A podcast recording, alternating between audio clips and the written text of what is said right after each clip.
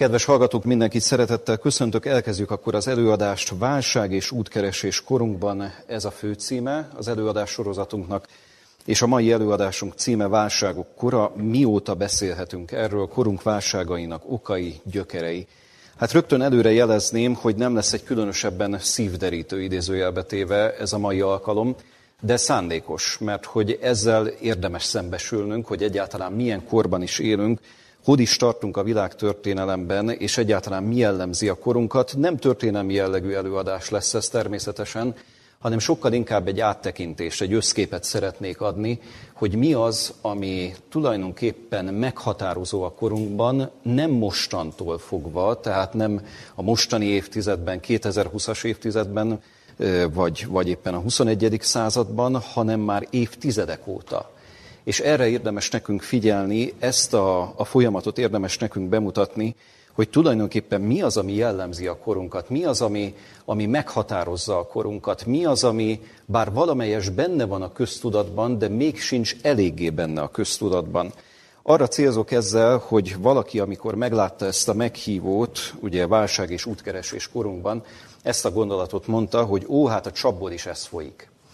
Én erre azt tudom mondani, hogy lehet, hogy ez folyik, de nem eléggé folyik.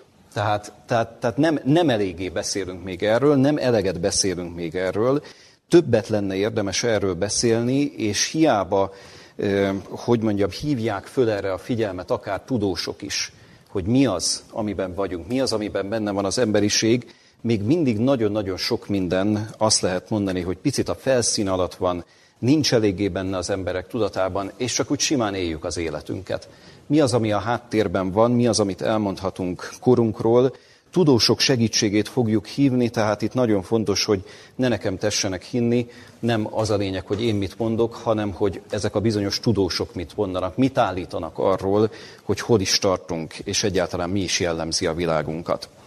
Legelőször is nézzünk egy áttekintést olyan értelemben, hogy milyen válságokról is beszélhetünk. Mi az, ami a világunkat jellemzi? Rögtön jelezném, hogy ez a felsorolás, ez inkább éghajlati és gazdasági szempontú lesz. Tehát tovább én most nem megyek, másról majd fogunk beszélni a későbbiekben. Én most csak ezekre a dolgokra szeretnék koncentrálni.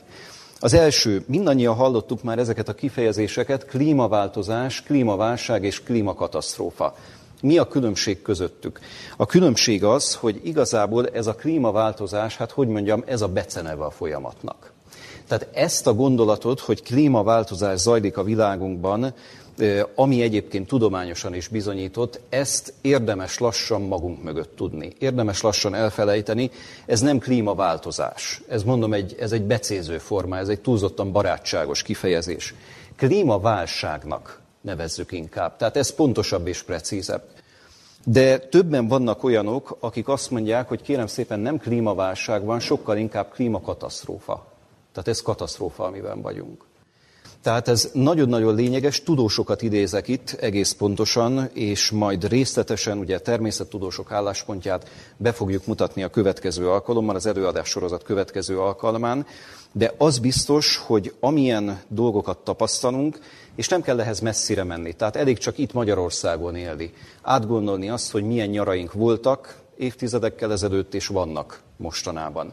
Milyen teleink voltak évtizedekkel ezelőtt, és vannak mostanában. A kettőt, hogyha összehasonlítja az ember, szerintem mindannyiunknak egyértelmű az összkép, amit mi a saját bőrünkön tapasztalunk, azt a tudósok is megerősítik, hogy tényleg világszerte erősödőben van ez a jelenség, ami tehát még egyszer sokkal inkább klímaválságnak mondható, és tulajdonképpen a klímakatasztrófa felé száguldunk. Ez csak az egyik dolog. A második, ami a válságot okozza, vagy ez is egy válság jelenség, a fosszilis energiahordozók, tehát a szén, a kőolaj és a földgáz végessége nincs végtelen mennyiségű energiahordozó. Ez egy nagyon-nagyon fontos dolog. Hatalmas a földünk, hatalmas és rengeteg mindent lehet kibányászni, de amit ki lehet bányászni, az egész egyszerűen nem végtelen. És olyan szempontból sem végtelen, hogy persze mondhatja azt valaki, hogy hát ássunk mélyebbre, és akkor biztos ott vannak azok a bizonyos fosszilis energiahordozók. Természetesen ezt meg lehet csinálni, meg lehet tenni, hogy még mélyebbre ássunk, na de iszonyatos erőfeszítéssel és iszonyatos költséggel jár annak az energiahordozónak a kitermelése, amit még mélyebről hozunk ki. Tehát a szén, a kőolaj és a földgáz végessége ilyen módon szintén meghatározó. Aztán a harmadik dolog élelmiszerválság. Itt Közép-Európában talán, hogy mondjam, más akusztikája vannak, hogyha erről szólunk, az élelmiszerválságról, de ha egy néhány ezer kilométerrel mondjuk délebre élnénk, akkor megint csak egészen más lenne a helyzet. Tehát ha Afrikában tartanám meg ezt az előadást, akkor az, hogy élelmiszerválság, ezt nagyon-nagyon sokan a saját bőrükön érzik. Tehát itt, hogy a Kárpát-medencében, vagy éppen Magyarországon milyen helyzet van, soha ne felejtsük el, ez évtizedekkel ezelőtt is így volt, most is így van, alapvetően a világ leggazdagabb egyötödéhez tartozunk. Jó, tehát jó tudatosítani ezt magunkban, hogy nem minden, amit mi magyarként Magyarországon megélünk, teljesen mindegy, hogy milyen kormányzat alatt vagyunk éppen, mert a világ négyötöde az nálunk garantáltan rosszabb, rosszabbul él. Ez a bizonyos élelmiszerválság, ebbe is bele fogunk majd merülni, nem a mostani alkalommal, hanem majd a későbbiekben, hogy ennek milyen részletei vannak. Következő. Nyersanyagválság. A nyersanyagaink végesek. Két interjúra szeretném itt fölhívni a figyelmet. Ha valaki ezt szeretné, én nagyon szívesen átküldöm neki e-mailben is, de természetesen az interneten is elérhetők. Gelencsér András légkörkutatóval, vegyésszel 2022. júniusában és októberében készültek ezek az interjúk, ahol ezt részletesen kifejti ezt a gondolatot, hogy a nyersanyagaink végesek.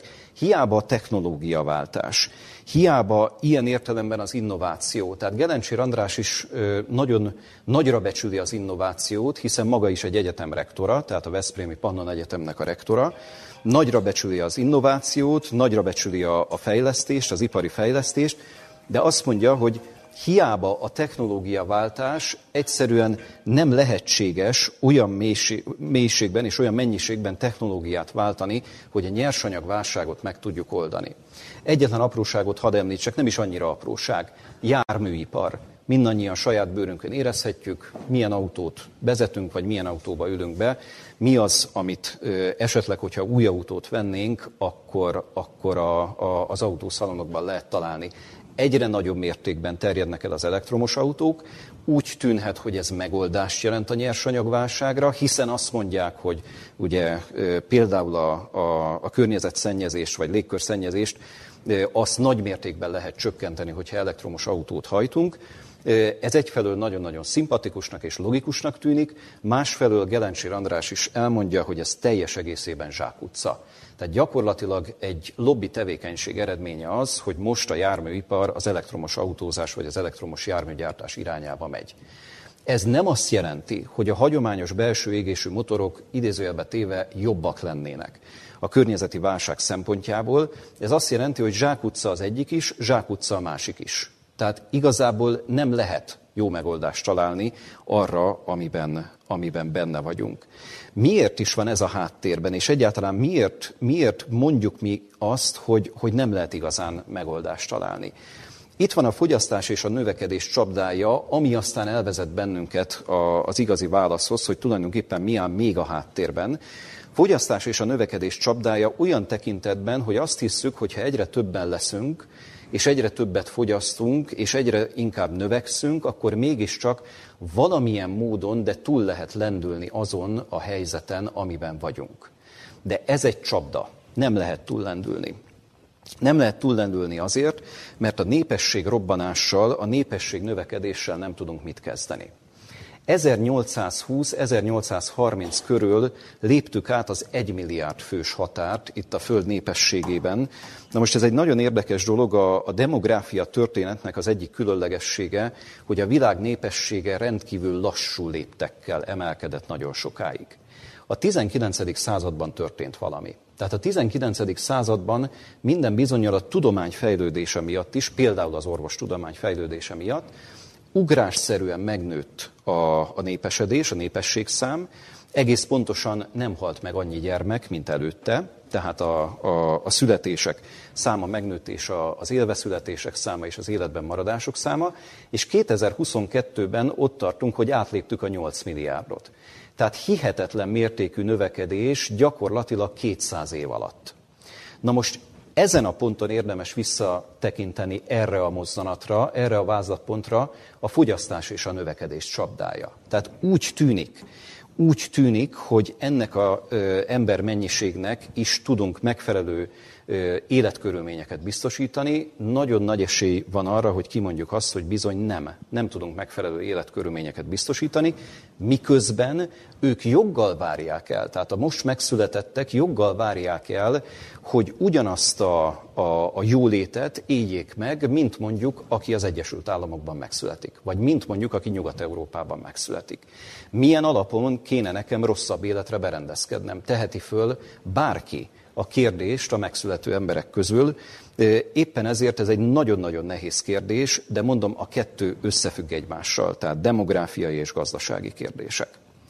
Gazdasági válság. Erről is egy picit részletesebben szóljunk. Itt Holoda Attila energiapiaci szakértőt idézem, nagyon komoly magyarországi szakemberről van szó. Ő így jellemezte ezt, tehát azt mondja, hogy ha azt mondjuk, hogy gazdasági válság, itt ezt szét kell bontani. Öt válságjelenséget említett egy interjúban. Azt mondja, hogy egy időben jelentkezik az olajválság, a gázválság, villamosenergiaválság, az infláció és a recesszió.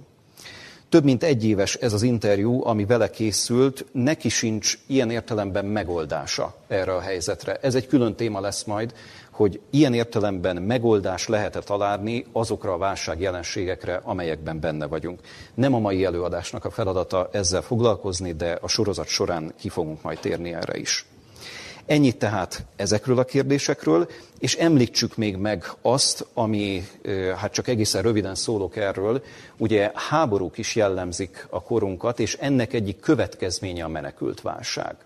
Na most ez is egy fontos kérdés, ugye menekült válság vagy migráció kérdése gyakorlatilag ettől hangos az európai politika, vagy éppen a magyar politika is, lassan már egy évtizede, de soha nem szabad nekünk elfelejtenünk azt, hogyha komplexitásában, összetettségében nézzük a világunkat, akkor a migráció, a menekült kérdés, ez nem önmagában áll. Tehát magyarán azt, a, azt az egyszerű magyar mondást hadd, alkalmaz, had alkalmazzam itt, hogy ugye, és ez egy nagyon, hogy mondjam, okos mondás, mert hogy sok-sok igazság van benne, mindenki magából indul ki. Mindenki magából indul ki. Na most, ha, ha föltesszük a kérdést, ha nekünk valaki azt mondaná, ha nekem valaki azt mondaná, hogy figyelj ide, csomagolj, és indulj útnak, és 1000 vagy 1500 vagy 2000 vagy akárhány kilométerrel odébb, van egy jobb élet, egy jobb hely, amit én biztosítok neked, de hogy valójában ott mit találsz, az egy nagy rejtély. Na most ki az közülünk, aki azt mondja, hogy tényleg kedvem van ezer vagy kétezer kilométert menni a bizonytalamba, elköltözni a bizonytalamba, csak azért, mert ott lehetséges, hogy jobb lesz nekem. Tehát ez egy nagyon fontos dolog, hogyha az ember mögött ott van egy háború, ha az ember mögött ott van egy klímaválság, és megint csak azt mondom, szakadjunk el ettől a magyar mondásnak a, a jelentésétől, ami egyébként még egyszer mondom, egy, egy alapvetően igaz mondás, de ezen túl kell lépni. Nem magunkból induljunk ki. Tehát ne a saját helyzetünkből induljunk ki. Az, hogy nálunk per pillanat még, teszem hozzá zárójelben, nincsen háború, ennek egyfelől örülhetünk, másfelől a háború meg itt van a szomszédban. Tehát ennek a hatásait mi magunk is érezhetjük ennek a következménye a migránsválság vagy menekültválság. Tehát magyarán ezek az emberek nem azért indulnak el, mert éppen kedvük támadt elindulni, kedvük támadt egy kicsit migrálni, hanem azért indulnak el, mert menekülnek. Menekülnek az elől a helyzet elől, ami a saját szülőföldjükön kialakult. Ez lehet háború, ez lehet klímaválság, ez, ennek az összefüggéseiről, összefüggéseiről is fogunk majd szólni, de majd a következő alkalommal. És az utolsó előtti pont, ugye a járványokat is érdemes megemlíteni, tehát milyen válságokról beszélhetünk, járványok. Erről szerintem igazán részletesen, így a Covid után három évvel lassan már így mondhatjuk a, a, az idő számításunkat. Szóval a Covid kitörése után három évvel szükségtelen szólnunk, mindannyian a saját bőrünkön érezhettük a koronavírust, és mindannyian tudjuk azt, hogy egy világjárvány mivel jár. A kutatók valószínűsítik, hogy ez csak a kezdet. Tehát ez a bevezető volt. Tehát az, amit a Covid-ban, vagy a Covid kapcsán tapasztalhattunk, ez még csak a bevezetője mindannak, ami, ami előttünk áll, a járványok tekintetében is. Nem megyünk bele most ennek a részletezésébe, erről is majd szintén lesz szó az előadás sorozat folyamán.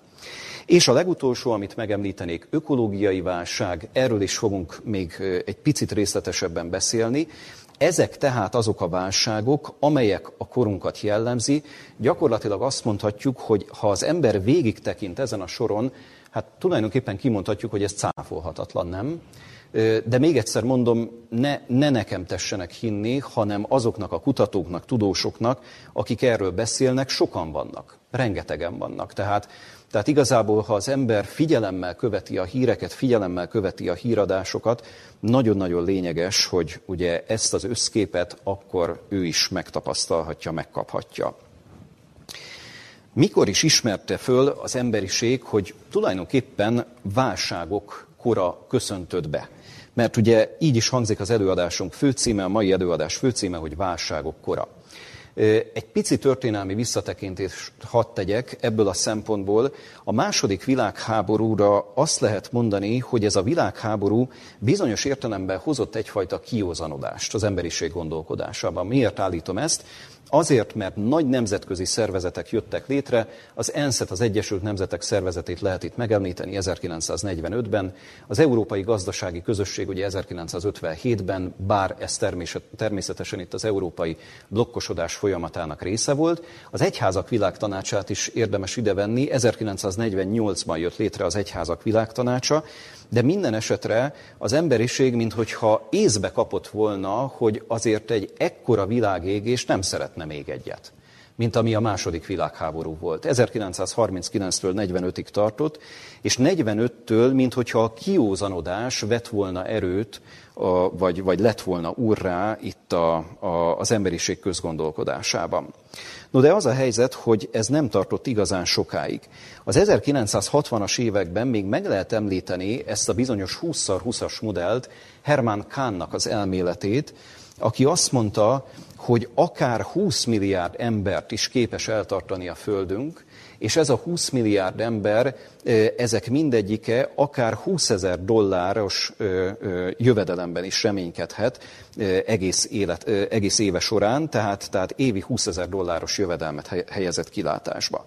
Ez egy rendkívül optimista időszak volt. Tehát 1950-es, 60-as évek a nyugati közgondolkodásban egyfajta optimizmus jellemezte ezt az időszakot. Zárójelben hozzá tehetem, hogy lehet, hogy mi egy picit ebből kimaradtunk, mert ugye Magyarország mást élt meg ebben az időszakban egészen mást. De az 1972-es dátum azt lehet mondani, hogy a gondolkodás történet vonatkozásában fordulópont. Miért?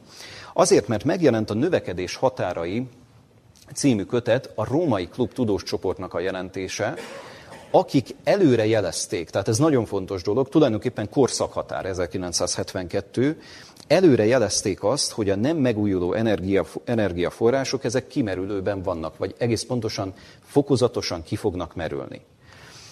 Ezeket a súlyos problémákat előrejelezték, de nagyon érdekes egyébként, hogy utólag a szerzők azt mondták, hogy amit ők alkalmaztak, és amilyen vészjelzést adtak, ez egy optimista megközelítés volt. Miért volt optimista megközelítés? Azért, mert ők nem számoltak a háborúkkal, és nem számoltak a járványokkal.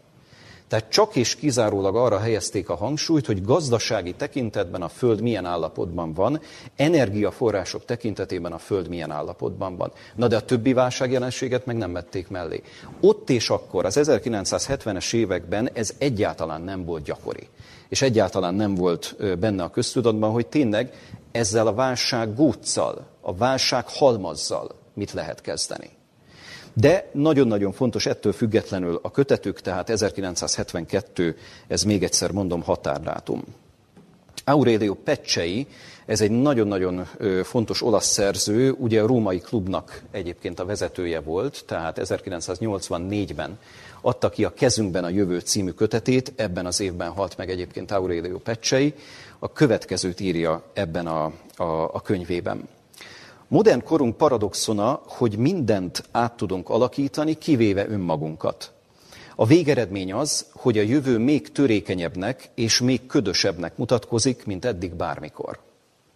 Na, ez egy kulcsfontosságú gondolat. Azt mondja, mindent át tudunk alakítani, kivéve önmagunkat. Mert egyfelől, ha megnézzük, hogy milyen technológiai fejlődésen ment keresztül az emberiség, erre azt lehet mondani, hogy ez egyszerűen lenyűgöző. Nem? Tehát csak ha arra gondolunk, hogy mondjuk 30-40 évvel ezelőtt, pláne itt Magyarországon mondjuk a telefonhelyzet milyen volt. Tehát ha telefonálni szerettünk volna, akkor, akkor ezt hogy lehetett megtenni. Ehhez képes most mindannyiunk zsebében ott lehet az okostelefon, ott lehet a világ, idézőjelbetéve, tehát totálisan más ilyen értelemben az életünk, sokkal-sokkal kényelmesebb. De azt mondja ez a bizonyos tudós, a korunk paradoxona, hogy mindent át tudunk alakítani. Tehát a fejlődés szinte határtalan, önmagunkat nem. Tehát valójában a problémák forrása nagyon úgy tűnik, hogy az ember milyen válaszokat adunk azokra a kérdésekre, amelyek egyre inkább sokasodnak. Tehát ez egy kulcsfontosságú dolog. És kulcsfontosságú dolgot mondott Aurelio Pecsei, ez tehát az egyik, amit szeretnék említeni. Miért lehet azt mondani, hogy tulajdonképpen beleléptünk a tanácstalanság korába? Mi az, ami jellemzi a világunkat olyan tekintetben, hogy az életünk alapvető kérdéseire választ tudunk-e adni?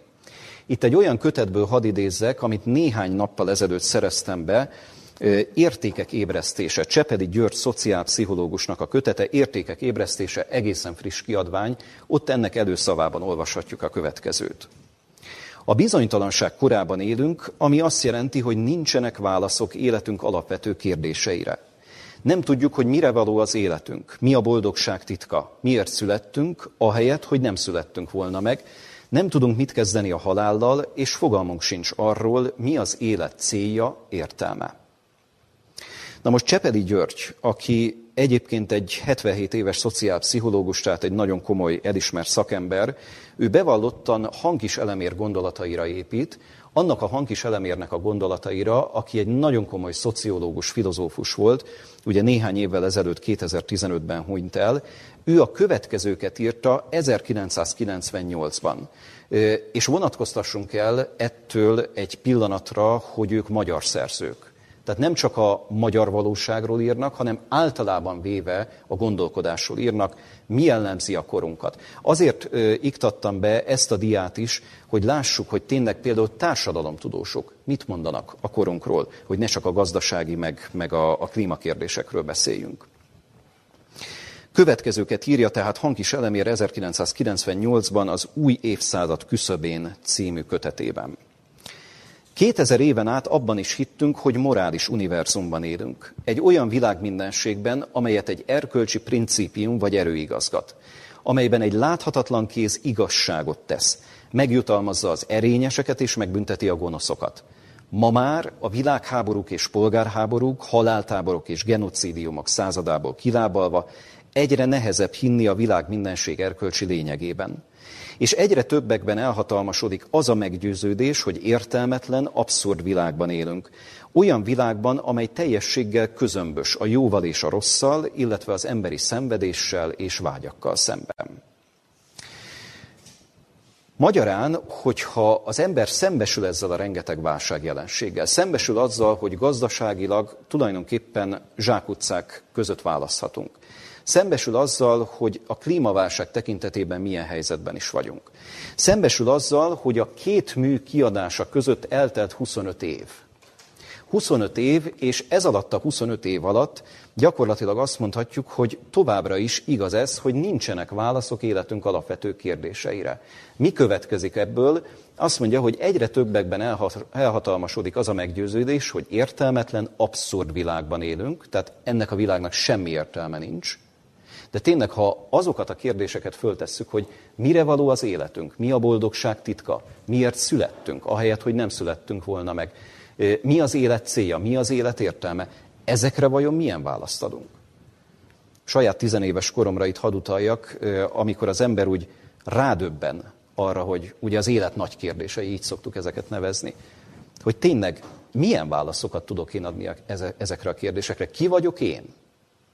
Kihelyezett ide a világba, mi, mi az életcélom.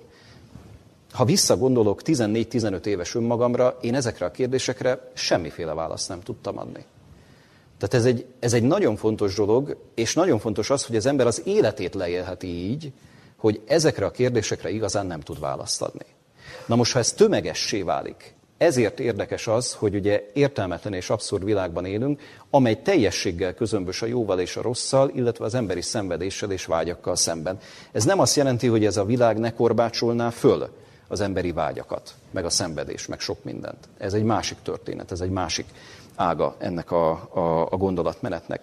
De minden esetre, hogy a tanácstalanság korában élünk, ez bizonyosan kijelenthető.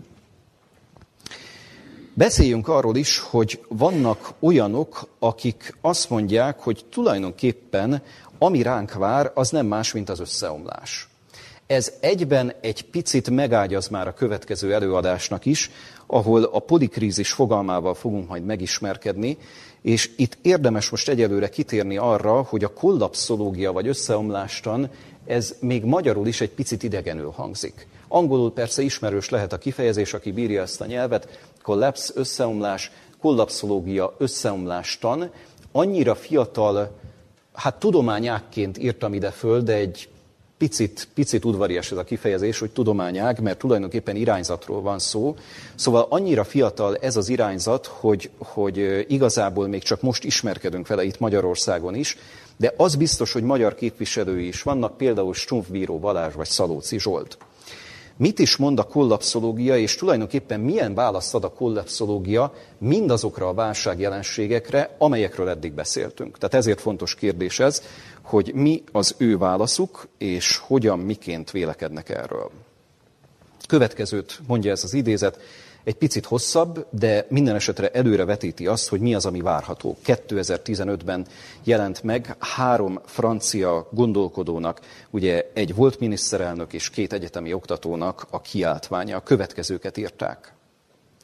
Világszerte fenyegető ökológiai katasztrófák a demográfiai növekedés időszakában.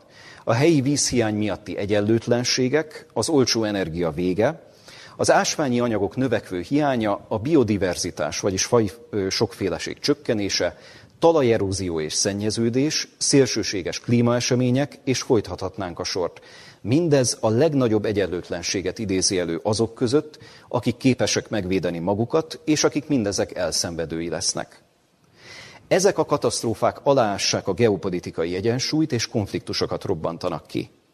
Az olyan mértékű társadalmi katasztrófák, amelyeket okozhatnak, a múltban egész társadalmak eltűnéséhez vezettek. Ez sajnos az objektív történelmi realitás. Amint a fajok összeomlása egy elképzelhető lehetőségként jelentkezik, a rendkívüli állapotban már nem lesz idő a lassú és komplex mérlegedési folyamatainkra. A nyugaton a pánik fog eluralkodni, ami majd szabadság és igazság eszméink áthágásához vezet. Mondták tehát ők 2015-ben. Miért kulcsfontosságú, amiről beszélnek? Mert ezek a bizonyos válságjelenségek, amelyek mondjuk itt az első négy sorban megjelennek, gyakorlatilag erről beszéltünk eddig is. Viszont azt mondja, hogy ezek a katasztrófák aláássák a geopolitikai egyensúlyt, és konfliktusokat robbantanak ki.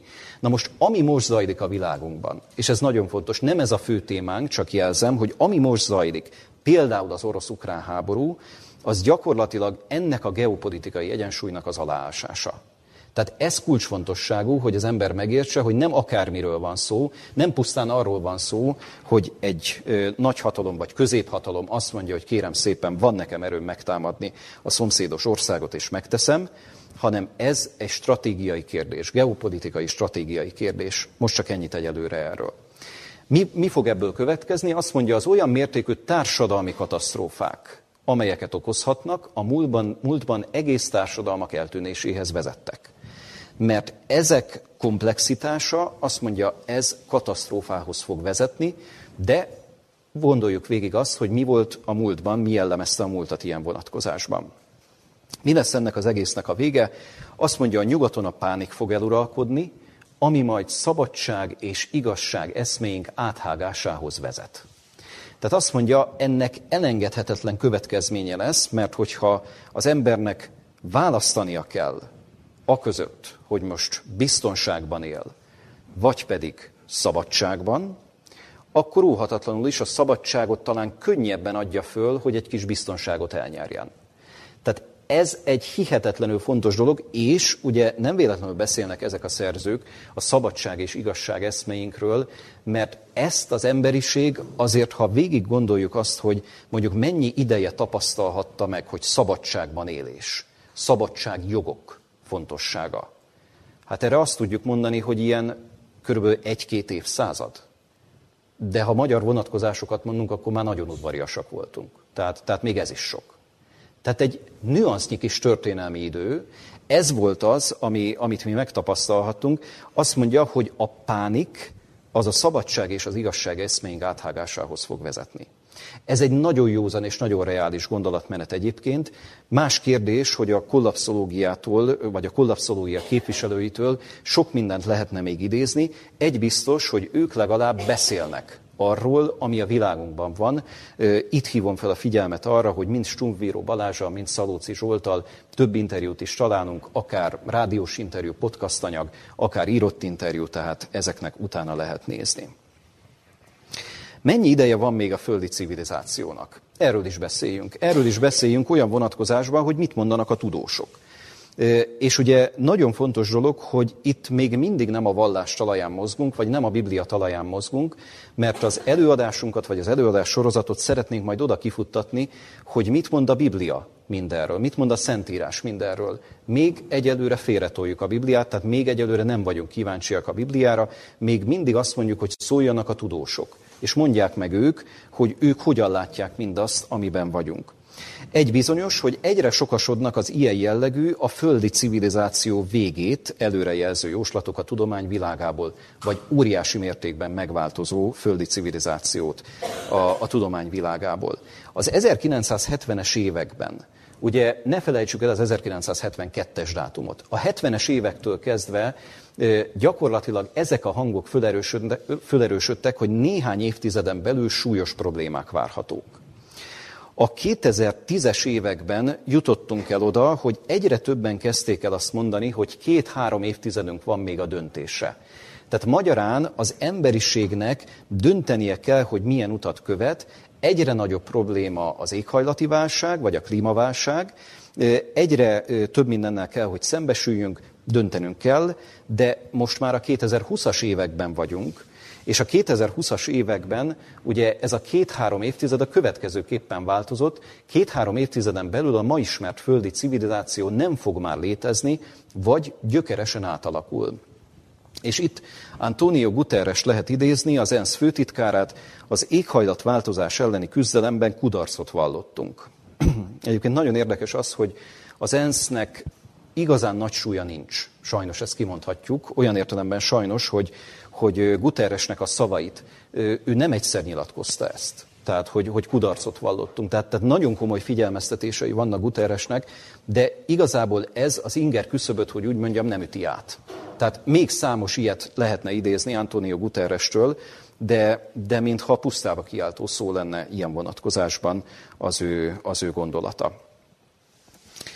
Aki hozzánk közelebb áll, már olyan szempontból, hogy magyar tudós, a már idézett Gelencsér András. Gelencsér András vegyész légkörkutató, ő ugye a Pannon Egyetem rektora, ahogyan ezt már idéztem is, tehát a Veszprém Pannon Egyetemnek a rektora, a következőket nyilatkozta 2022. június 10-én. Ezt mondta, 20 éven belül katasztrófa várható. Talán hamarabb. Nagyon sokan látják ezt a tudományos világban, és nagyon kevesen a politikában és a gazdaságban. Na most Ezeket a szavakat, ezeket jó alaposan érdemes megjegyezni. Miért?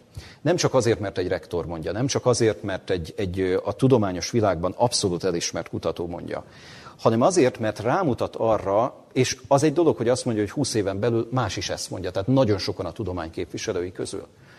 Azt írja, vagy azt mondta, nagyon sokan látják ezt a tudományos világban, és nagyon kevesen a politikában és a gazdaságban. Viszont ha azt a kérdést föltesszük, hogy kinek a hangja igazán erős, ki jelenik meg a hírekben, internetes oldalokon, híradóban, bárhol, egész biztos, hogy ne, nem a tudósé, nem a tudományos világé, hanem hogy mit mondott az adott politikus, meg esetleg, hogy az az adott gazdasági szakember mit mondott. De azt mondja Gelencsér András, hogy a, a politikus meg a gazdasági szakember, e, e, ők nem fognak erről beszélni.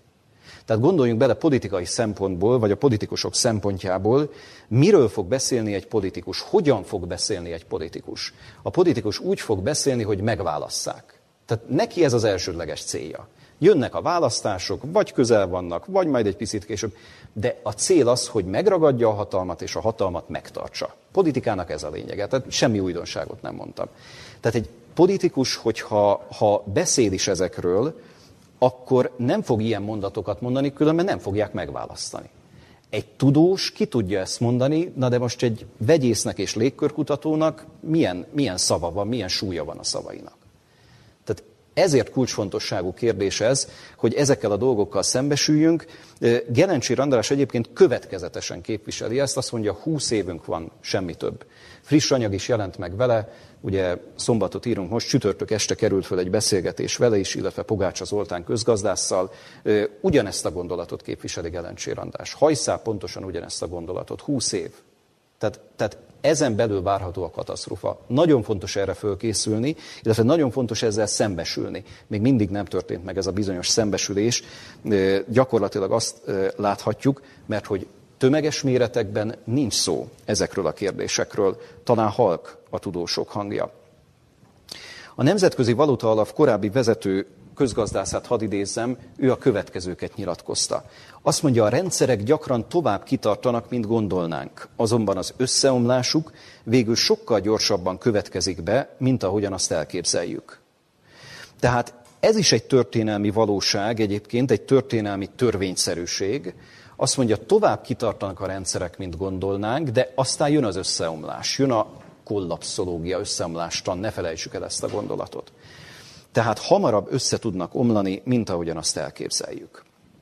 Ennyi tehát arról, hogy mennyi ideje van még a földi civilizációnak, gyakorlatilag a ma ismert életünkből tulajdonképpen évek vannak hátra. Tehát néhány évet még le tudunk élni úgy, hogy nagyjából abban a színvonalban, azon a módon, olyan, olyan módon, ahogyan eddig ezt megtettük, de tulajdonképpen nagyon rövid időn belül az életünk gyökeresen át fog alakulni, mondja még egyszer nagyon sok tudós, nem csak Gelencsér András, hanem itt sokakat lehetne idézni, következő alkalommal megtesszük. Tehát ezt szeretnénk kinagyítani, majd ezt a témát, hogy természettudósok mit is mondanak erről.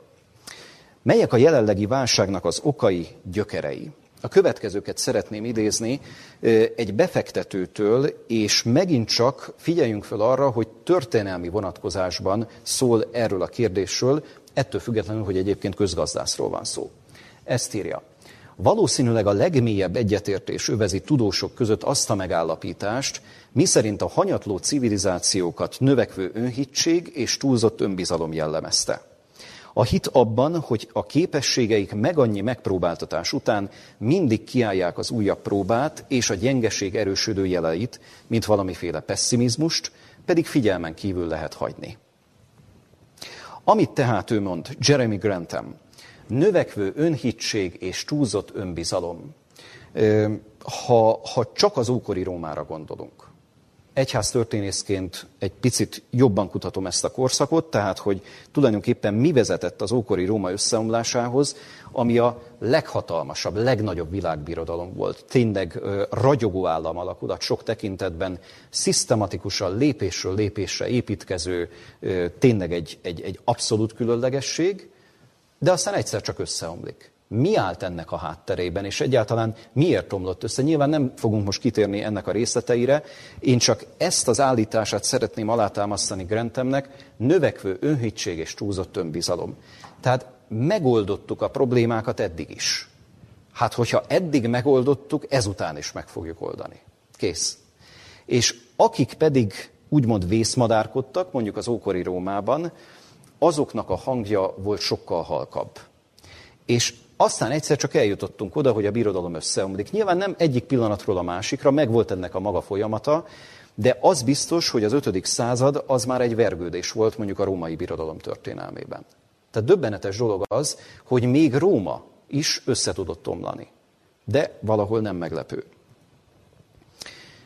Fölírtam ide egy mondást, na most ezt a mondást különben nagyon nem szeretem. De, de, de sajnos van, van ö, hogy mondjam, létjogosultsága itt idézni ezt a mondást. Ez így hangzik, hogy majd valahogy lesz, hiszen úgy még sohasem volt, hogy valahogy ne lett volna. Általános iskolai kémia tanárom szokta erre mondani, hogy nesze semmi fog meg jól. Tehát ez körül ezt jelenti, ezt üzeni, ez a mondás. De, de miért ö, ö, idéztem ezt a bizonyos mondást itt ezen a ponton? Azért, mert nagyon sokan szerintem így élik az életüket. Tehát, hogy majd valahogy lesz majd, majd valahogy túllendülünk ezen a válságon. Eleve az, hogy most van-e válság, tényleg ennyi válság van-e, polikrízisben éle a világ, stb. Hát sokan erre azt a választ adják, hogy nem.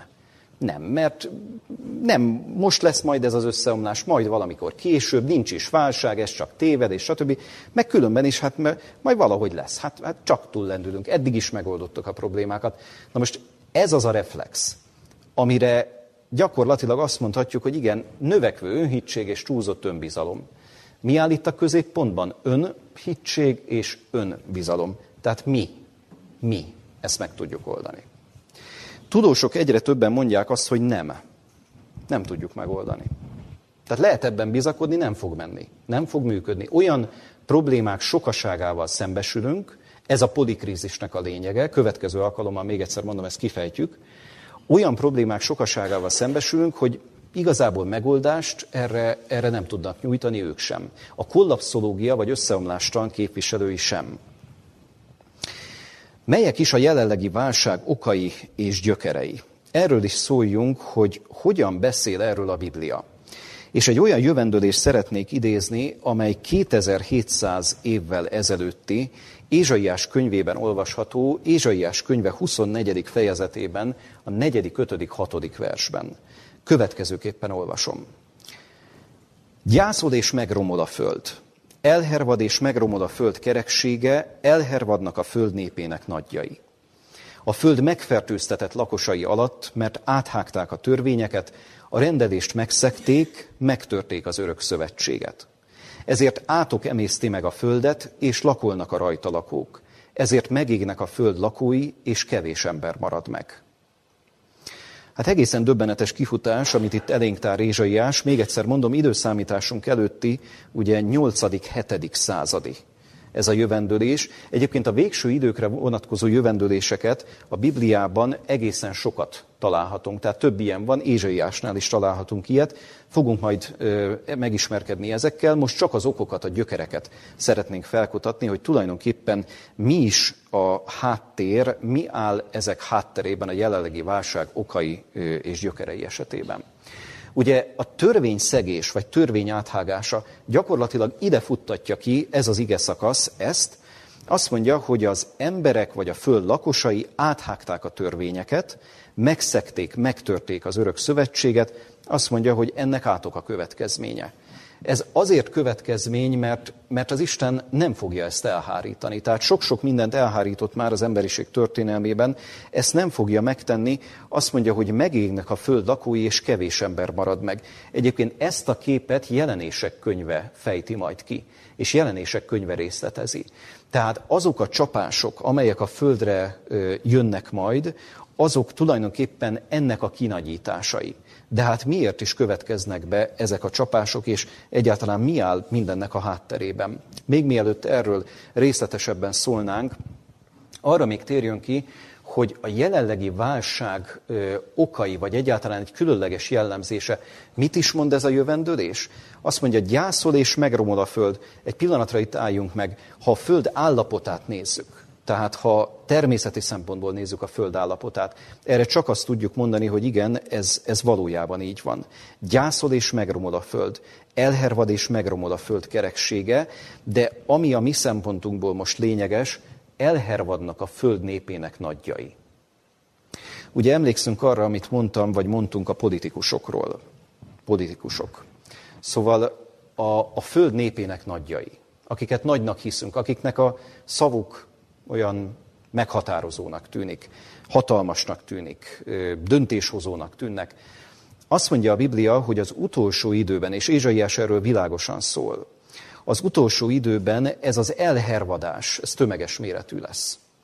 Ez megint csak arra utal, hogyha megoldásban reménykedünk, hát, hogy mondjam, ez a reménykedés, ez, ez lehet, hogy megalapozatlan, mert a föld nagyjai, a föld népének nagyjai nem tudnak olyan megoldást mondani, amely tényleg kivezetné az emberiséget abból a válságról, amely, válságból, amelybe egyre mélyebben belemegyünk.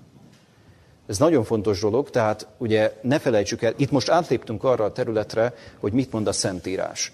De azt, hogy mi is jellemzi a világunkat, azt, hogy válság van, azt, hogy a válságok sokasága gyakorlatilag összeadódik, ezt nem a Szentírás alapján bizonyítottuk. Ezt az alapján bizonyítottuk, hogy kutatók, tudósok mit mondanak, hogy értékelik mindazt, amiben vagyunk. Ehhez egy adalék az, amit itt ír Ézsaiás, elhervadnak a föld népének nagyjai. Tehát magyarán, hogyha az ember, és itt hadd közelítsen meg ebből a szempontból, dühös lenne egy kicsit a politikusokra, hogy hát ezek ilyenek, meg olyanok. Könnyen lehet, hogy igazunk van. Rendben. De akkor is ne felejtsük el, jövendőlés szól arról, hogy megoldhatatlan problémákkal szembesülnek. Tehát, tehát ez, ez egy iszonyatosan nehéz helyzet, mert ha őszintén beszélnek, akkor nem fogják őket megválasztani, és így tovább. Tehát, tehát mondom, ez a, ez a dominó ez dől. És valójában, tehát még egyszer mondom, a háttérben ez áll, amit itt Ézsaiás bemutat, de természetesen nem csak ez. Hogyan jövendőlt Pálapostról az utolsó napokról? Mert hogy az Ószövetség mellett, ugye Ézsaiás könyve az Ószövetséghez tartozik, az Új Szövetségből idézzünk, Új Szövetségből is idézzünk egy olyan ige szakaszt, amely szintén nagyon-nagyon meghatározó a napjainkra vonatkozóan. Azt mondja, hogy azt pedig tud meg, hogy az utolsó napokban nehéz idők állnak be. Mert lesznek az emberek magukat szeretők, pénzsóvárgók, kérkedők, kevélyek, káromkodók, szüleik iránt engedetlenek, hálátlanok, tisztátalanok, szeretet nélkül valók, kérlelhetetlenek, rágalmazók, mértéktelenek, kegyetlenek, a jónak nem kedvelői. Árulók, vakmerők, felfuvalkodottak, inkább a gyönyörnek, mint Istennek szeretői, akiknél megvan a kegyességnek látszata, de megtagadják annak erejét. És ezeket került. Hát elég sokkoló felsorolás. Ugye Timóteus fiatal munkatársa volt Pálapostolnak, és hát írd mond nem kevesebb 19 jellemzőt sorol fel, amely az utolsó időkkel kapcsolatban mondja a Szentírás, hogy igen, ott ez különösen megfigyelhető lesz. Persze bárki mondhatja azt, hogy jó, hát ez nagyon érdekes felsorolás, meg különleges dolgokat láthatunk itt, na de hát miért most az emberek jobbak voltak? 4-5-600 évvel ezelőtt, vagy, vagy 1-2 ezer évvel ezelőtt? Jogos egyfelől azt mondani, hogy, hogy nem, hát ezek a nehézségek finoman fogalmazva, vagy ezek az anomáliák, ezek a problémák, ezek akkor is jellemezték az emberiséget, kétségtelen. Csak egy dolgot ne felejtsünk el, és ez megint szintiszta matematika. Ha többen vagyunk, tehát, tehát hogyha ekkora a népességrobbanás, hogy ugye 1800-as évek elején még csak 1 milliárdnyian, 2022-től kezdve 8 milliárdnyian. Hogyha ezek a nehézségek összeadódnak, hogyha ezek, ez az önzés összeadódik, akkor ez értelemszerűen sokszor annyi lesz a világunkban, mint ami régebben volt. Tehát többen vagyunk, ez több önzés jelent. Mert hogy a, a lényegét ezeknek a válság jelenségeknek a Biblia az, abban határozza meg, hogy az emberek magukat szeretők. Nem tudom, hogy van-e igazán ennek súlya, a, a, ahogy meghalljuk ezt a gondolatot, hogy magukat szeretők, vagy önzők az emberek. Olyan egyszerű gondolatnak tűnik, szinte, szinte meg se érint talán bennünket, de mégis a legfontosabb dolgot mondja ki, azt mondja, hogy az embernek, ugye ahogy a mondás tartja, maga felé hajlik a keze, önző, de rögtön utána tesz még egy gondolatot, ami szintén kulcsfontosságú, pénzsóvárgó. Pénzsóvárgó. És aztán persze lehetne beszélni erről a 19 jellemzőről, tehát tényleg sokkoló ez a felsorolás.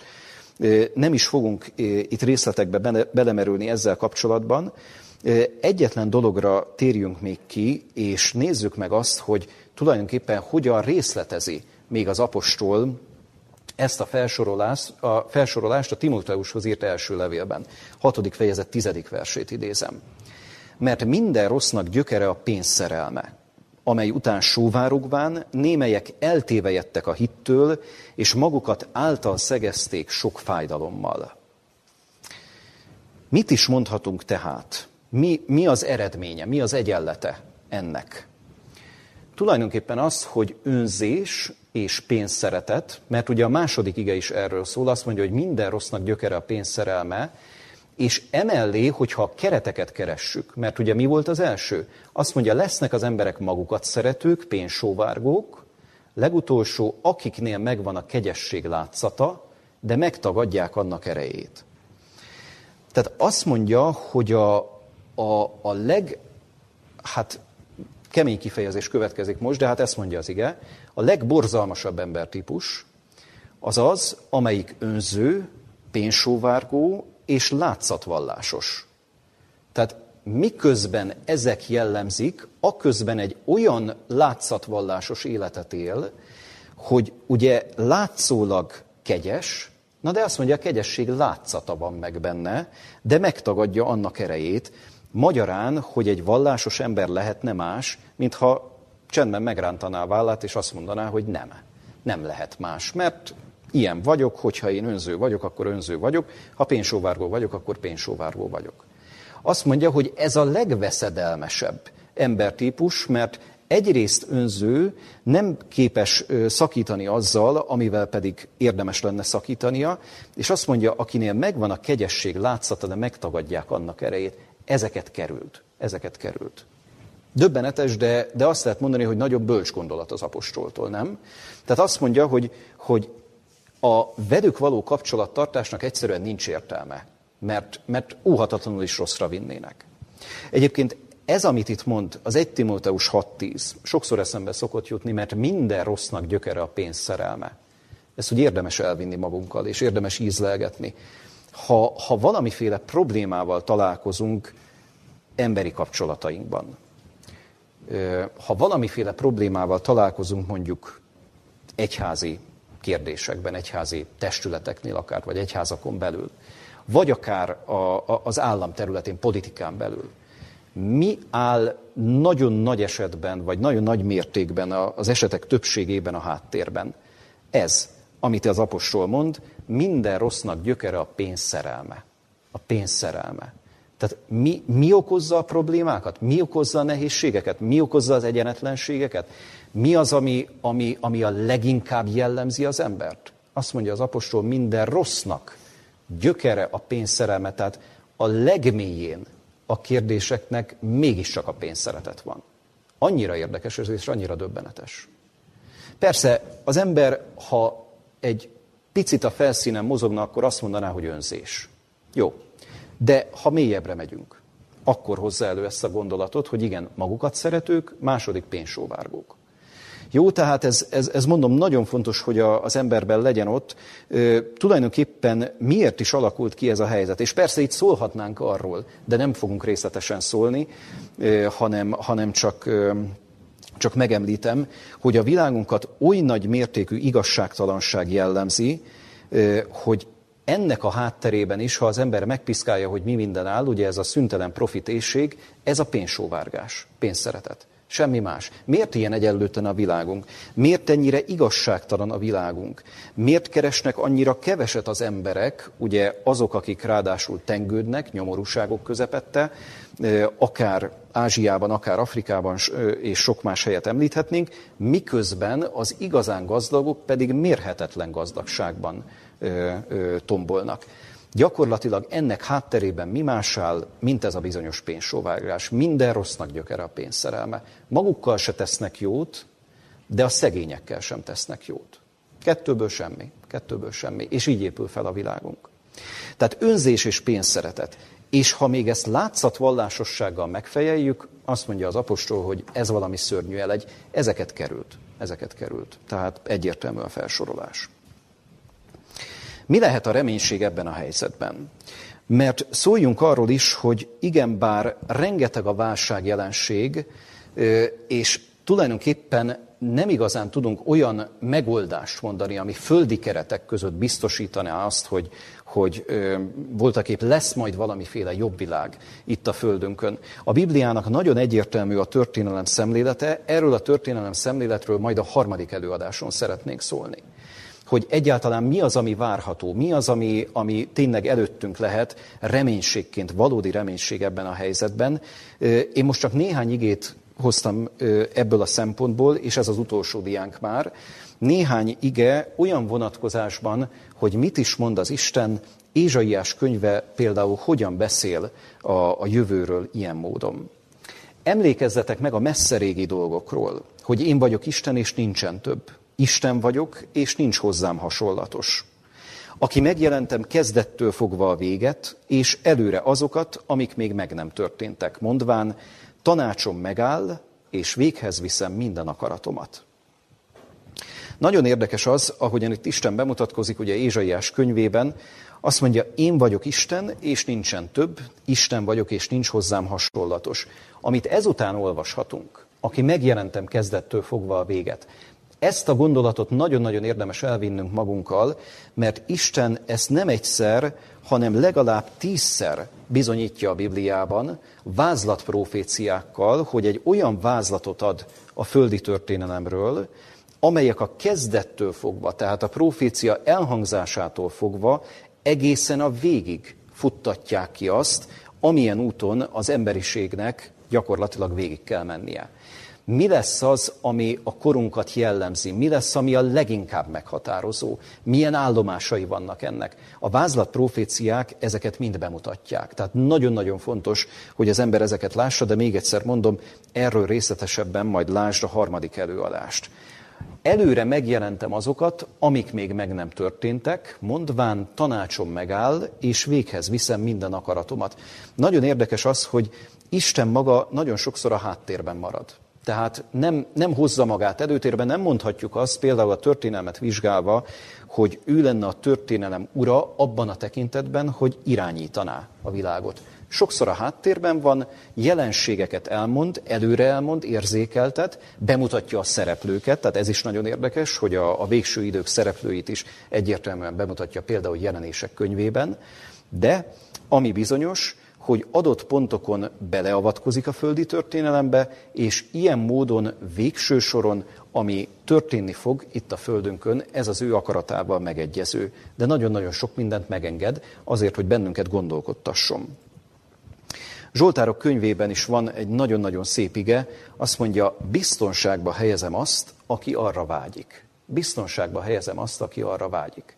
Mert még egyszer mondom, megijeszthet bennünket ez a sok minden, ugye a válságoknak a sokasága, hogy tényleg mi is a helyzet. És ennyire tragikus a, a föld állapota, nem tudunk ilyen értelemben pozitívabbat mondani, tényleg ennyire tragikus a föld állapota, tudósok sokasága szól erről, de egy biztos, hogyha valaki menedéket szeretne, hogyha ha valaki azt mondaná, hogy, hogy, hogy egymagam én kevés vagyok ahhoz, hogy ezeket a dolgokat megoldjam, vagy valamiképpen kezeljem, van biztonság. Biztonságba helyezem azt, aki arra vágyik. Különleges ez a Zsoltárige.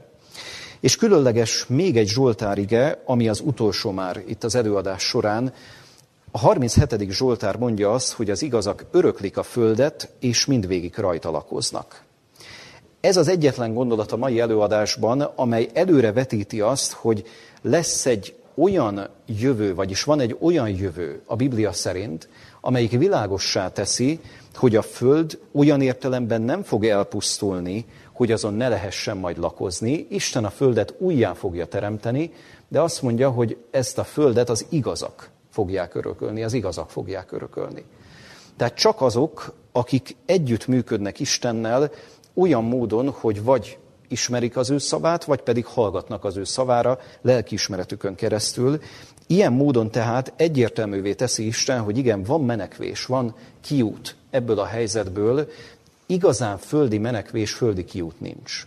Tehát ilyennel nem tudjuk kecsegtetni azokat, akik a, az igét olvassák, de nagyon-nagyon érdekes az, hogyha megnézzük azt, hogy tulajdonképpen a Biblia hogyan is beszél ezekről a válságjelenségekről és a, a Szentírás hogyan fejti ki azt, hogy tényleg mi is jellemzi a világunkat. Erről majd a negyedik előadásról lesz szó, mert Jézus Krisztus a Máté Evangélium a 24. fejezetében részletesen szólt erről, és meg fogjuk látni, hogy az, ami a Máté 24-ben szerepel, és az, amit ezek a bizonyos tudósok mondanak, akiket itt felsoroltunk, ne felejtsük el, növekedés határai 1972-től kezdve, Antonio Guterres, az ENSZ főtitkára, és így tovább, tehát lehet sorolni Gelencsér Andráson át még sokáig, sokáig. A helyzetértékelésük lényegileg ugyanaz, mint ami a Biblia helyzetértékelése is. Egy lépés Onnantól már csak a Biblia jövőképe, hogy lesz újjáteremtés, mert azt mondja az ige, hogy ez ilyen módon egy ponton nem mehet tovább, tehát lesz egy, lesz egy olyan mozzanat, amikor Isten véget vet a földi történelemnek, de hát erről is részletesen szól, akár a Máté Evangélium a 24. fejezete, akár jelenések könyve, és akár más bibliai szakaszokat is lehetne említeni. Kedves hallgatók, eddig tudtunk most jutni. Köszönöm szépen mindenkinek a figyelmet. Válság és útkeresés korunkban itt leginkább arról szerettünk volna szólni, hogy korunk válságainak melyek az okai, melyek a gyökerei. A következő alkalom ezt a címet viseli két hét múlva szombat délután négy órakor polikrízis és összeomlás természettudósok kijelentései a Föld állapotáról és a várható eseményekről.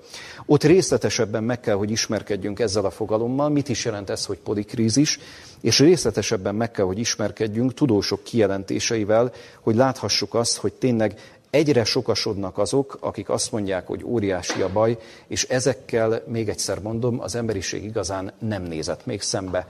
Ne felejtsük el ezt a gondolatot, amit valakitől idéztem, hogy szinte még a csapból is ez folyik, de a válaszom erre az, hogy még nem eléggé folyik a csapból ez. Tehát többet kell, hogy beszéljünk, többet kell, hogy gondolkodjunk erről, és minden esetre kulcskérdésről van szó, bennünket érint. Lehet, hogy nem ma, de holnap könnyen lehet, hogy már igen, tehát ezért is nagyon-nagyon lényeges ez.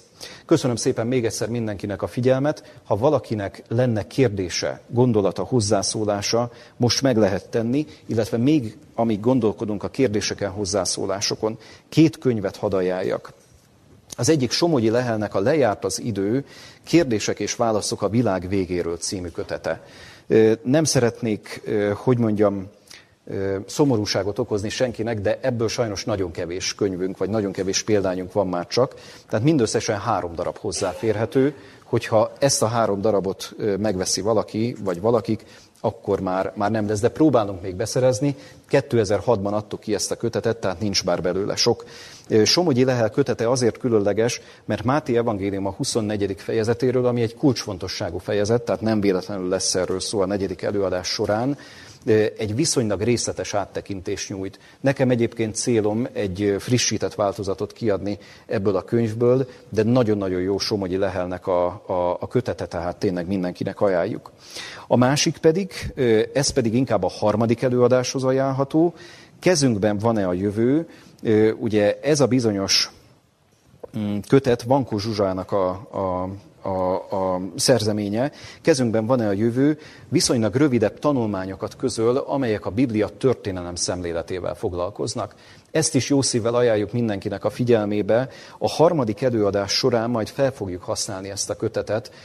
Ugye válság és felemelkedés a Biblia történelem szemlélete. Mit is mond a Biblia ilyen tekintetben a történelemről, és hogyan részletezi ezt? Nagyon-nagyon érdekes megismerkedni, vagy érdemes megismerkedni ezekkel a jövendőlésekkel. Úgyhogy ezt is ajánljuk mindenkinek. Köszönöm szépen a figyelmet.